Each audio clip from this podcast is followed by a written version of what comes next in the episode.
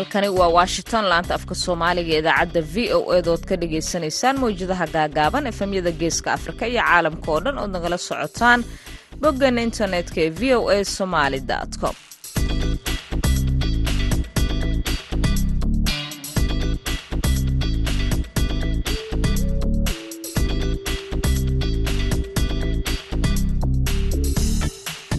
duhur wanaagsan dhegaystayaal dhammaantiinba waa maalin arbaca ah. Bisha julaayo waa labayo toban sanadka labada kun iyo saddexiyo labaatanka. Afrikada bari saacaddu waxay tilmaamaysaa kowdii iyo barkii duhurnimo. Idaacadda duhurnimo ee barnaamijka dhallinyarada maantana waxaa idinla socodsiin doonta anigoo ah sahra cabdi axmed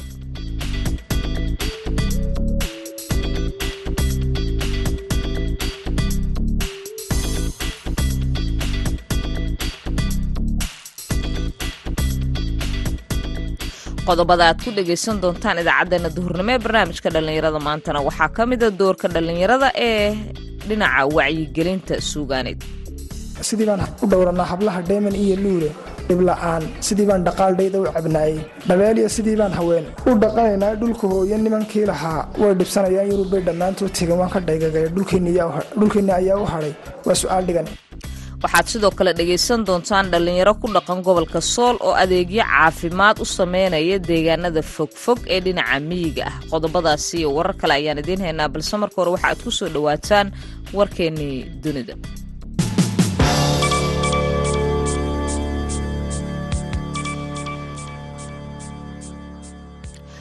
hogaamiyaasha neto ayaa lagu wadaa in arbacada maantaito ay la kulmaan madaxweynaha ukrein valadimir zelenski ayaga oo sidaasi ay tahay qaban doono shir madaxeedka ka dhacaya caasimada luthania oo ay ka mid ahaayeen in xoogga sidii loo saari lahaa la isugu dayo in ukrein laga taageero dagaalkeeda ka dhanka ah ruushka iyo sidoo kaleeto ku doodista mustaqbalka ukrein ee xulifada sidii ay uga mid noqon lahayd waxaan awood u yeelan doonaa inaan casuumaad u fidino ukrein si ay ugu biirto xulafada marka ay xulafada ku heshiiyaan.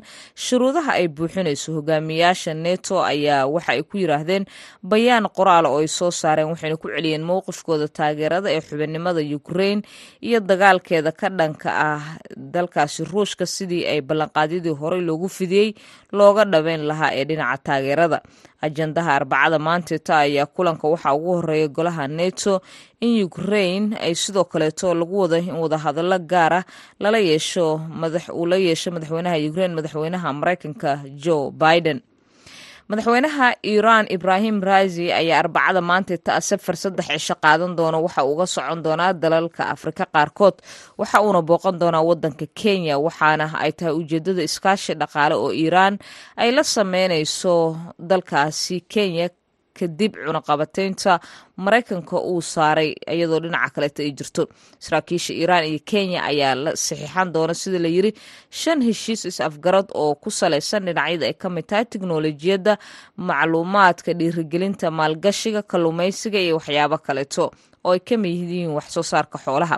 Marka laga soo tago kenya safarka madaxweynaha iiraan waxa uu la balansan yahay sidoo kaleeto inuu booqdo dalalka uganda iyo zimbabwe waxaana madaxweynihii hore ugu horeeyey iiraan oo wuxuuna noqonaya madaxweynihii ugu horreeyey iiraan oo booqdo muddo toban sano ah wadamadaasi waxaana ay ku soo beegmaysaa xilli cunaqabateen dalkaasi uu saaray wadanka maraykanka. Warkii dunidana waa naga inta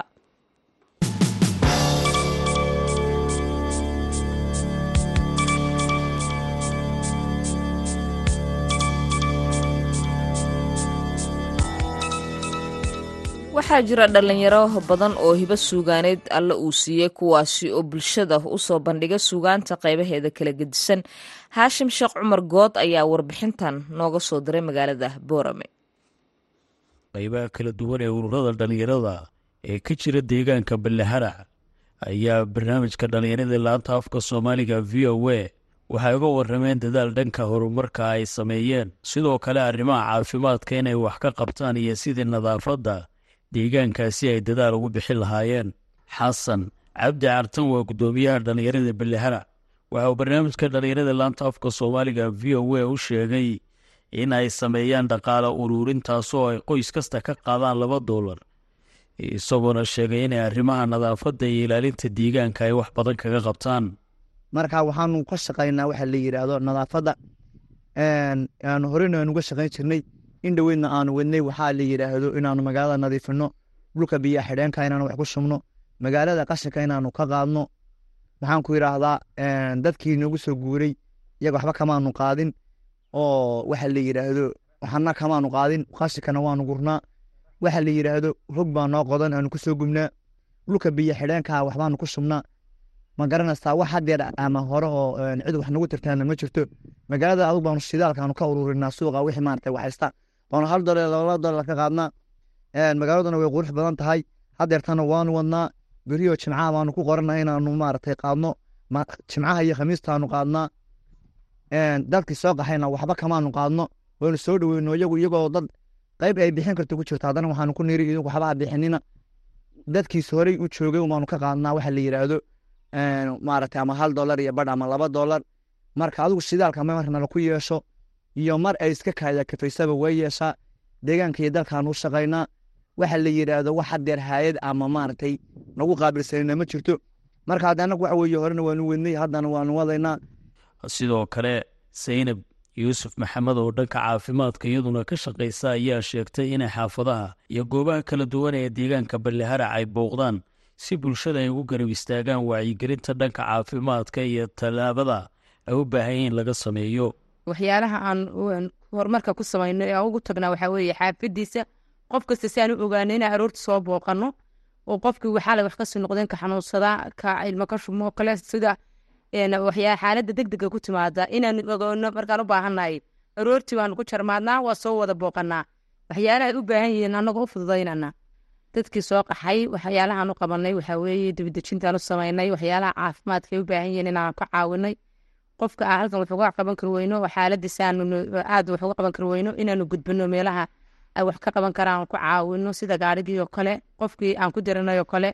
Waxyaaluhu u baahan yahay aan u sii fududayno u sii qorno aanu geersiino markaa meesha wax xaalada lagaga qaban karo. Meelaha kale sool iyo wurur oo kale aanu kalahanhay oo annagu aan fududayno oo samaysano gacantayda ku samaysano balaharac ka samaysano dhabasaarna gaarsiino kale odayaasha deegaanka iidle khaliif cawad waxa uu ka mid yahay odayaasha deegaanka ballaharac waxa uu sheegay inuu u baahan yahay sidii loo garab istaagi lahaa dhallinyaradaasina looga caawin lahaa waxyaaba ay u baahan yihiin.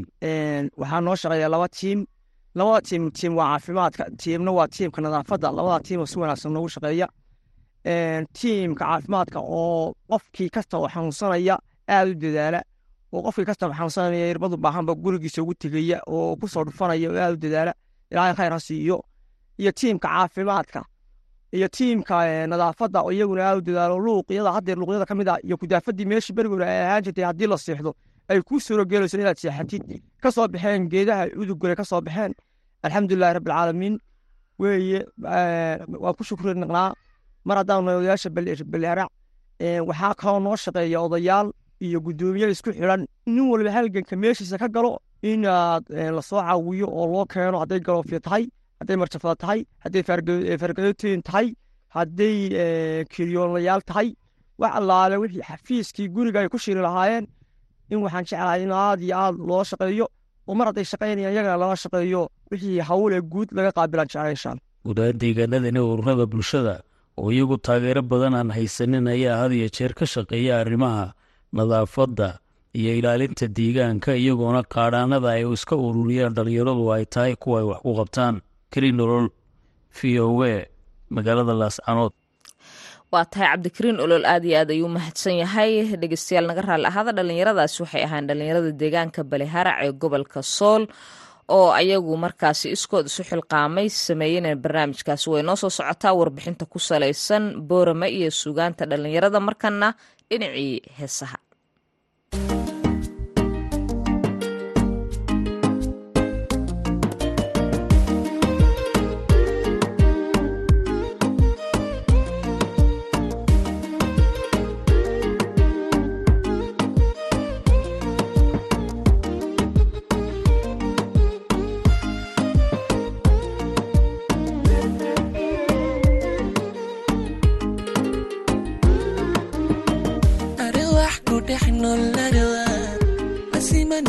heshiya kala gacal ayaan nahay on aho indhaha hegmada indhaha fama ayarbaygu yal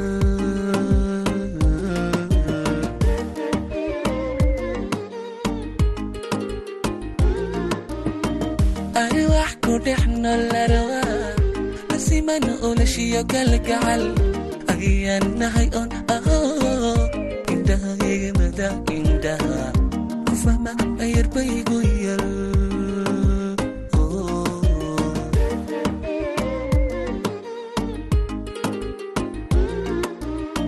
nurkaaga jira afkaaga aadan ka qirin ereyga muuqaagu sido. Qalbiga akhristanhe ayaan badnida macaan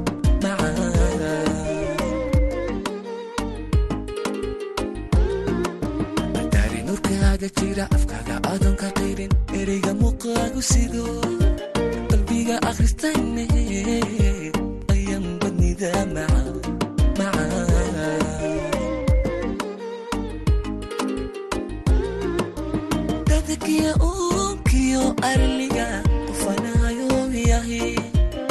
dadkiya uunkiyo arliga qofanahayo i ahi hadiga weyo kuwihi hadiga adigu i ahi isnihina waan isnahay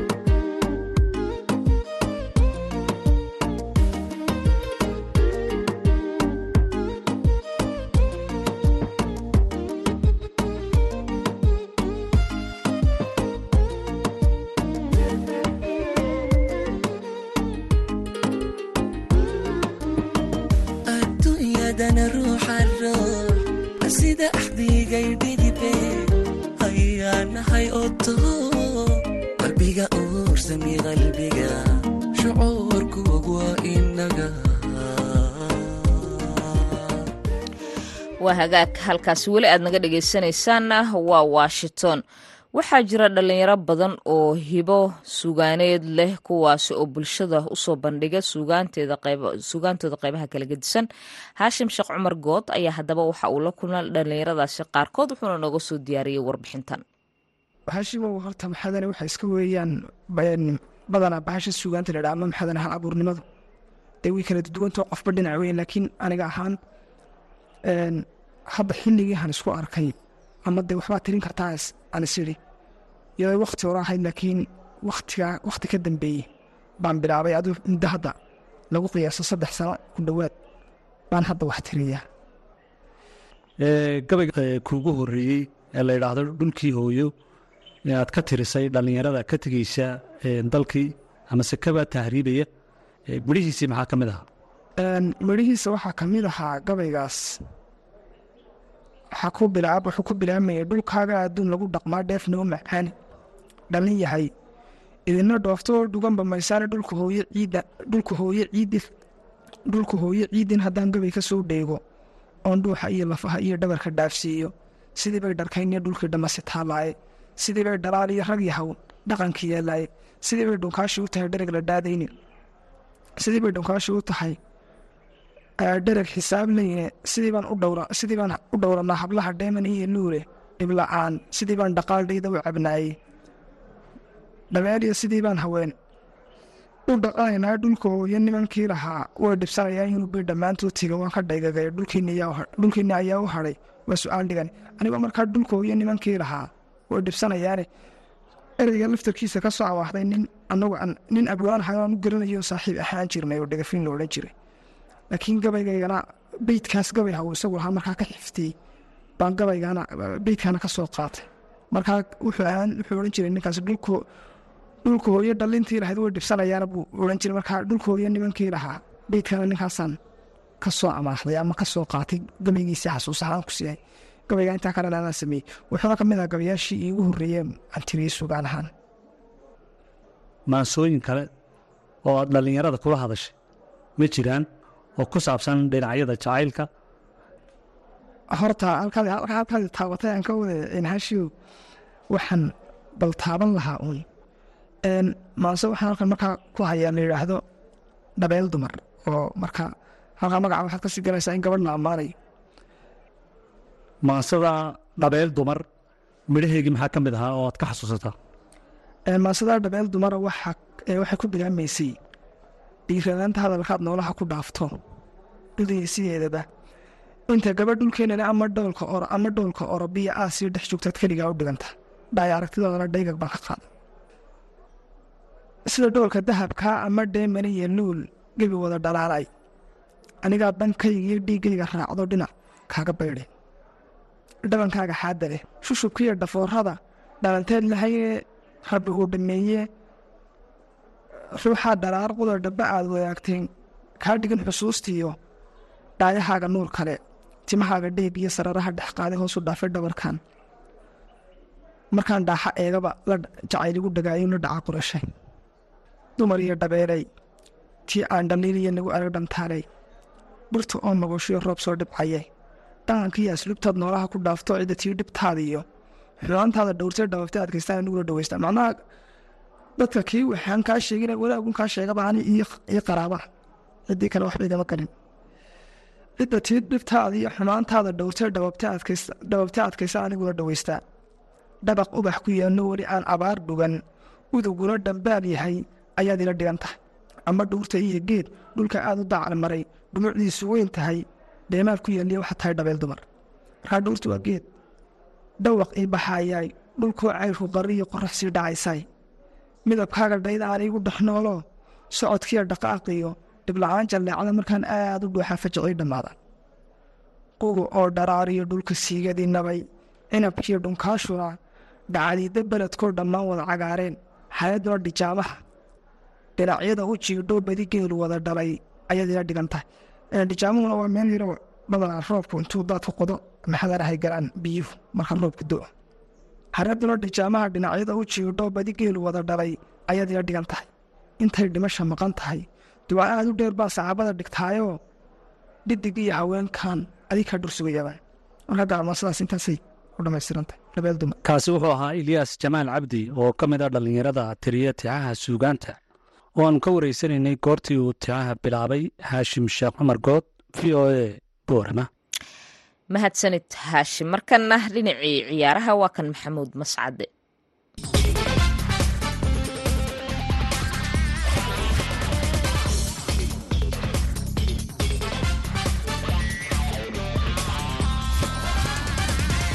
kulan wanaagsan dhegaystayaal dhammaantiinba kuna soo dhowaada xubinta ciyaaraha.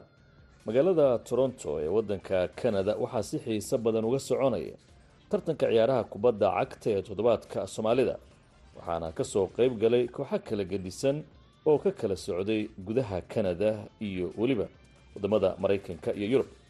Haddaba wariyaha iyaga xuseen nuur xaaji oo ku sugan magaalada toronto ciyaarahaasina si dhow ula socday ayaa haatan qadka ku jira oo aan ka wareysanaya kulamo xiiso badan oo habeenkii xalay ahaa dhacay iyo weliba kuwa la filayo maanta inay dhacaan iyadoo tartanku haatan uu galay ciyaarihiisa kala baxa amaba loo yaqaano neck out xuseen soo dhawow marka hore marka xiga waxaad iga warantaa dhowr kulan ayaa la ciyaaray shalay galab iyo habeenkii xalay ahaa oo kala bax ahaa oo kooxuhu ay kala harayeen qaarna boorsooyinkooda ay qaadanayeen kuwana ay tartanka ku sii nagaanayeen.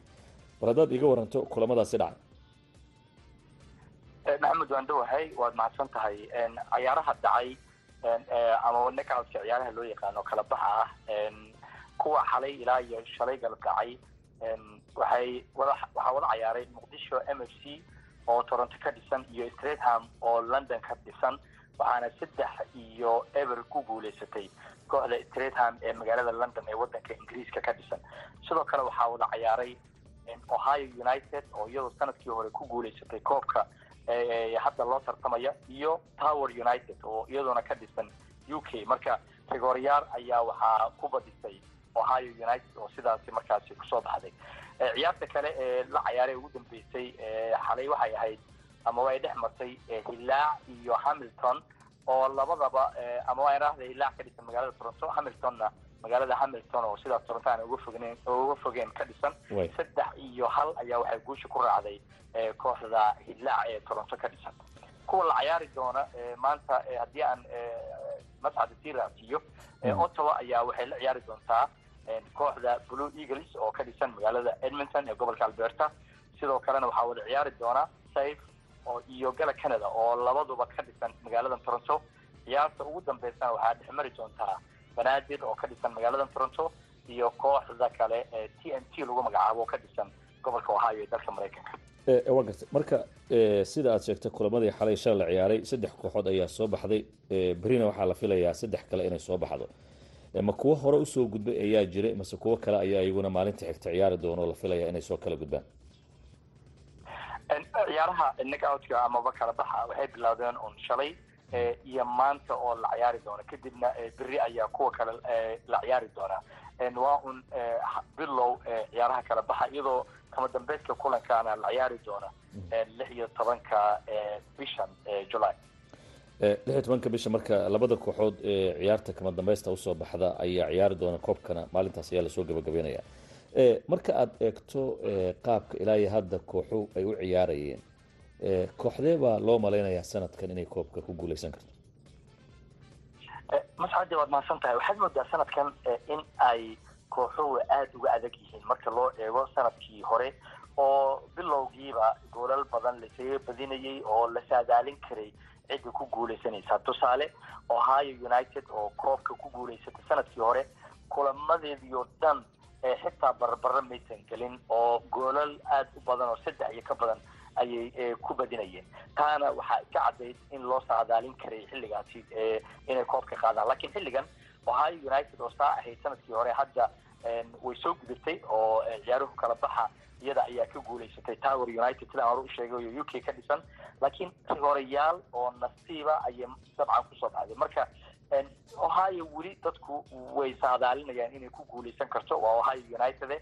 Laakiin waxaa jira kooxo kale oo soo labeeya iyo saddexeeya. Ama waddanka qaarkoodba ay koowaad keenayaan sida safe oo kale oo ka dhisan magaalada toronto. Lix iyo hal ayay kulankoodii labaad ay ku badiyeen. Ilaa haddana ciyaartooy aada u daayaro u wanaagsan ayay wataan. Waxay ka mid yihiin dadka loo saadaalinayo. Redham oo london ka dhisan oo markii ugu horreysay tartanka ka qayb galaysa sanadihii u dambeeyay o dhan ka maqnayd ayaa iyaduna waa cadaro dhigaysa oo ka mid ah kooxaha loo saadaalinayo la filanayo in koobka sanadkan uu aada dhankaas iyo london. Wa gart ugu dambeyntii adoo soo koobaya muddo badan ayaa magaalada toronto ee waddan kanada ciyaarahan toddobaadka soomaalida lagu qabanayay. Sanadkan muxuu kaga duwan yahay kuwii hore? Mascad wuxuu uga duwan yahay ka qaybgalka dhanka ka qaybgalka kooxaha. Oo markii hore waxaa ka qayb galay markii ugu dambeysay inkastoo sanad walba ay sii kordhayeen afar iyo toban koox hadda waa la kordhiyey oo kooxaha ka qayb galaya waa sideed iyo toban koox. Wuxuu kaloo uga duwan yahay ciyaartooy weligood aanan cayaarin. Tartamadana soddon sano soo socday in hadda ay ka qayb galayaan oo markii ugu horreysa ay ka soo dhex muuqanayaan tartankan oo ah mid la wada sugo oo sanad walba oo ciyaartooyda kubadda cayaarta ay jecel yihiin meel bilow ah ay ka soo bilaabaan xirfadooda kubadda cagta oo ilaa iyo heer qaran dabcan ay ku gaari karaan. Marka dhankaas oo kooxaha tirada badan iyo ciyaartooydan ku cusub iyo weliba habka maamulka laftiisa wax badan ay ka bedeleen qaabka sharciyada soo dhaweynta dadka ka qaybgalaya laftooda waxaa moodaa in sanadba sanad ka dambeeya ay aada u soo badanayaan oo xiisanaya cayaaraha. Waa tahay ad baad umahadsan tahay dabcan xidigihii hore ee kala duwanaa ciyaaraha kubadda cagta ee soomaalidana dabcan way ka soo qeyb galaan xataa gobolka minnesota. Dad badan baa ka soo baxa waa tahay xuseen aad iyo aad baad umahadsan tahay kaasi waxau ahaa waryahayaga xuseen nuur xaaji oo iiga waramayay tartanka ciyaaraha kubadda cagta toddobaadka soomaalida ee sida xiisaha le uga socda magaalada toronto ee wadanka canada. Inta aynu dhegeystayaal mar kale dib u kulmi doono oo aniga waa maxamuud mascad dawda ku dhaafaya sidaa iyo noolikaad